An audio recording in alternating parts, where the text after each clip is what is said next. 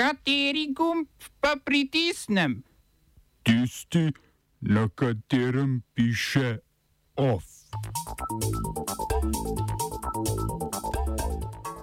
Italijanski premijer podprl obvezno cepljenje. Škotska vlada zavrača idejo jedrskega Gibraltarja. Neonacistična tiskovna agencija neuspešna pri upisu v razvid medijev. V kulturnih novicah umetniška projekcija radioaktivnega sivanja.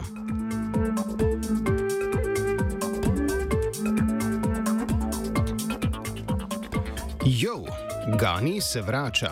Ne, ne bivši afganistanski predsednik Ashraf Gani, pač pa Abdul Gani Baradar. Mula, kot ga kličejo soborci, naj bi bil namreč tik pred imenovanjem za vodjo nove talibske vlade Islamskega emirata Afganistan. Gre za pričakovano potezo novih oblasti, saj je Baradar, odkar je bil pred tremi leti na željo ameriške vlade izpuščen iz pakistanskega zapora, deloval kot vodja talibov, katerih soustanovitelj je bil leta 1994. Pred novo vlado je veliko dela. Po hitrem postopku se bo morala spopasti z naraščajočo humanitarno, begunsko in finančno krizo. Poleg tega severno od Kabula še vedno divjajo boji za dolino Panšir, močno prisotna pa ostaja tudi notranja varnostna grožnja v obliki afganistanske veje islamske države.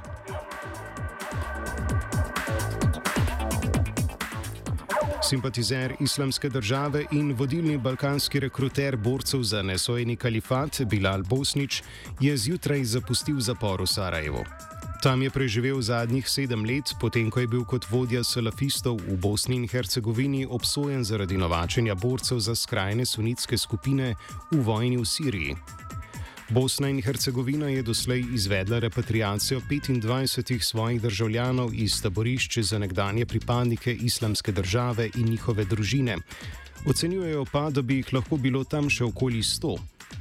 Da je vojna v Siriji še vedno aktivna, je sinoči spomnilo izraelsko letalstvo, ki je po poročanju sirske vojske iz libanonskega zračnega prostora izvedlo še drugi napad v bližini Damaska v dveh tednih. Glede na pretekle nočne letalske ekskurzije Izraela je bil tarča napada brško ne spet libanonski Hezbolah, ki v Siriji podpira vladno vojsko.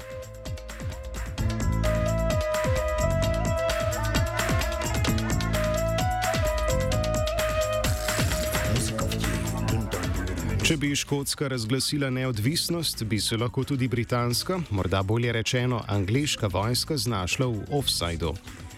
Pomorska baza mornarice njenega visočanstva Clyde se namreč nahaja na zahodnji obali Škotske in je dom štirim jedrskim podmornicam, ki so tudi oborožene z jedrskimi konicami. Napovedi o novem referendumu o neodvisnosti, potem ko je zadnji leta 2014 ne uspel, je očitno sprožilo tudi kolesje obramnega ministrstva v Londonu, saj naj bi po poročanju Financial Times razmišljali o oblikovanju jedrskega Gibraltarja, torej vojaške eksklave na obalah Škotske, s čimer bi se izognili premeščanju občutljivega tovora južneje. Škotska nacionalna stranka, ki jo vodi premijejka Nikola Sturgeon in škotski zeleni, ki skupaj tvorijo aktualno vlado v Edinburghu, so to idejo zdaj tudi javno zavrnili, tako da bo moral imperij svoje jedrske zmogljivosti preseliti na katero drugo čezmorsko ozemlje. Uspeh, pa tudi že sam sklic novega referenduma, še zdaleč nista zagotovljena. Škotska vlada pa upe polaga v nezadovoljstvo tamkajšnjega prebivalstva nad Brexitom in dogodki, ki so sledili. Škoti namreč niso večinsko podprli izstopa iz Evropske unije, tako kot Angleži. صراحة الخير إلى من جارك Onkraj Irskega morja, kjer zakonodaja Evropske unije še velja, je Irska komisija za varovanje podatkov v WhatsAppu in s tem Facebooku naložila kazen v višini 225 milijonov evrov. Priljubljena aplikacija za komuniciranje, ki si jo od leta 2014 lasti ameriški gigant, naj ne bi spoštovala določb iz Evropske splošne uredbe o varstvu podatkov, bolje znane pod kratico GDPR, kar v podjetju sicer zanikajo in napovedujejo pritožbo. Irska je zaradi nizkih davkov in ohlapne zakonodaje na področju registracij podjetij postala oaza za tuja tehnološka podjetja, ki delujejo v Evropski uniji. S tem je teža odločanja in kaznovanja padla na pleča tamkajšnjih regulatorjev, ki so bili do današnje odločitve pogosto tarča kritik evropskih kolegov. Ti so jih namreč obtoževali prevelike popustljivosti in počasnosti pri obravnavanju kršitev GDPR-ja. WhatsApp je lani presegel mejo 2 milijard globalnih uporabnikov.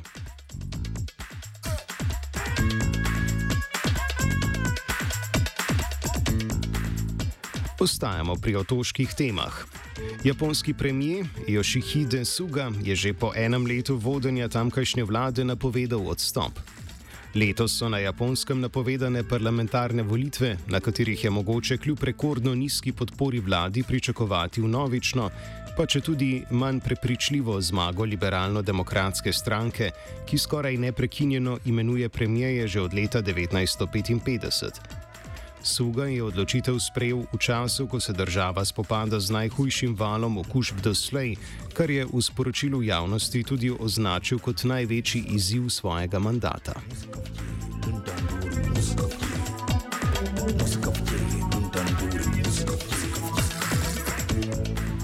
Na Apeninskem polotoku, kjer prav tako beležijo ponovn porast okužb, je premijer Mario Draghi prvič odkrito podprl idejo o obveznem cepljenju za vse prebivalce. Vlada, ki je polno cepljenost uvedla že kot pogoj za delo zdravstvenega in šolskega osebja, želi še pred koncem leta doseči 80-odstotno precepljenost, a se pri tem spopada s skepso ljudi. Na vprašanje novinarjev, ali bi lahko ta problem rešili z uvedbo obveznega cepljenja, je Dragi odgovoril zgolj: Si. Oba, če, če bom odgovoril na angliški. Slovenija bo poskušala pomagati. Slovenija bo naredila svoj utmost, da bo rekla, da je situacija naš problem, sami. In da bomo naredili nadaljnje korake, as soon as the conditions are. Bomo vlado Marjana Cererera Šarca podprli. Zelo, zelo resno. Slovenija. We know how and we will. Po poročanju dela je bila vloga nacionalne tiskovne agencije za opis v razvit medijev zavrnjena zaradi nepopolne prijave. NTA, katere odgovorni urednik je Urban Purgar, član tako imenovanih rumenih jopičev, se lahko na odločitev pritoži na upravnem sodišču, a usoda še pred kratkim perspektivnega neonacističnega medija je že tako pod vprašanjem, odkar je Purgar na Twitterju dobil zaušnico premijeja Janeza Janše. Sodeč po naknadnih objavah Urbe pa je temu sledila tudi kopica težav v zasebnem življenju.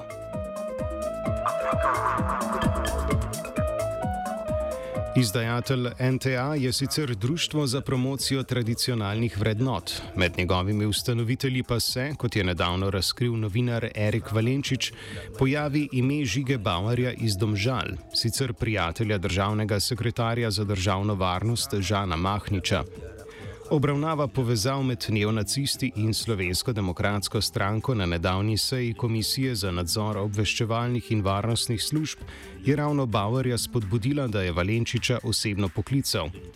Vsebino 96-sekundnega pogovora opiše Valenčič. V 18 uri 27 minut poklical Žiga Bauer me obsoval in večkrat zagrozil s tožbo, na koncu pa še s, uh, s tem, da me bo ubil. Skratka, mislim, da so bile njegove besede: Fento, te bom z vlastnimi rokami. Valenčič je dogodek prijavil tudi policiji. Ker je pač on vendarle nekdo, ki, za, človek, ki ga, za katerega jaz smatram, da je v ozadju teh neonacističnih skupin in njihovih društev. Ne, uh, smatram, da ima neko relevantno moč v teh skupinah, zato njegovo grožnjo jemljem absolutno resno. Po drugi strani je bila tudi širša javnost priča, predvsem v zadnjem letu in pol, ne samo naraščanju in razrastu sovražnega govora, ampak tudi grožen z nasiljem s strani neonacistov in njihovih podpornikov. Tako da smatram, da je čas, da se te zadeve ustrezno zakonsko preganjajo. OF je pripravil Anton.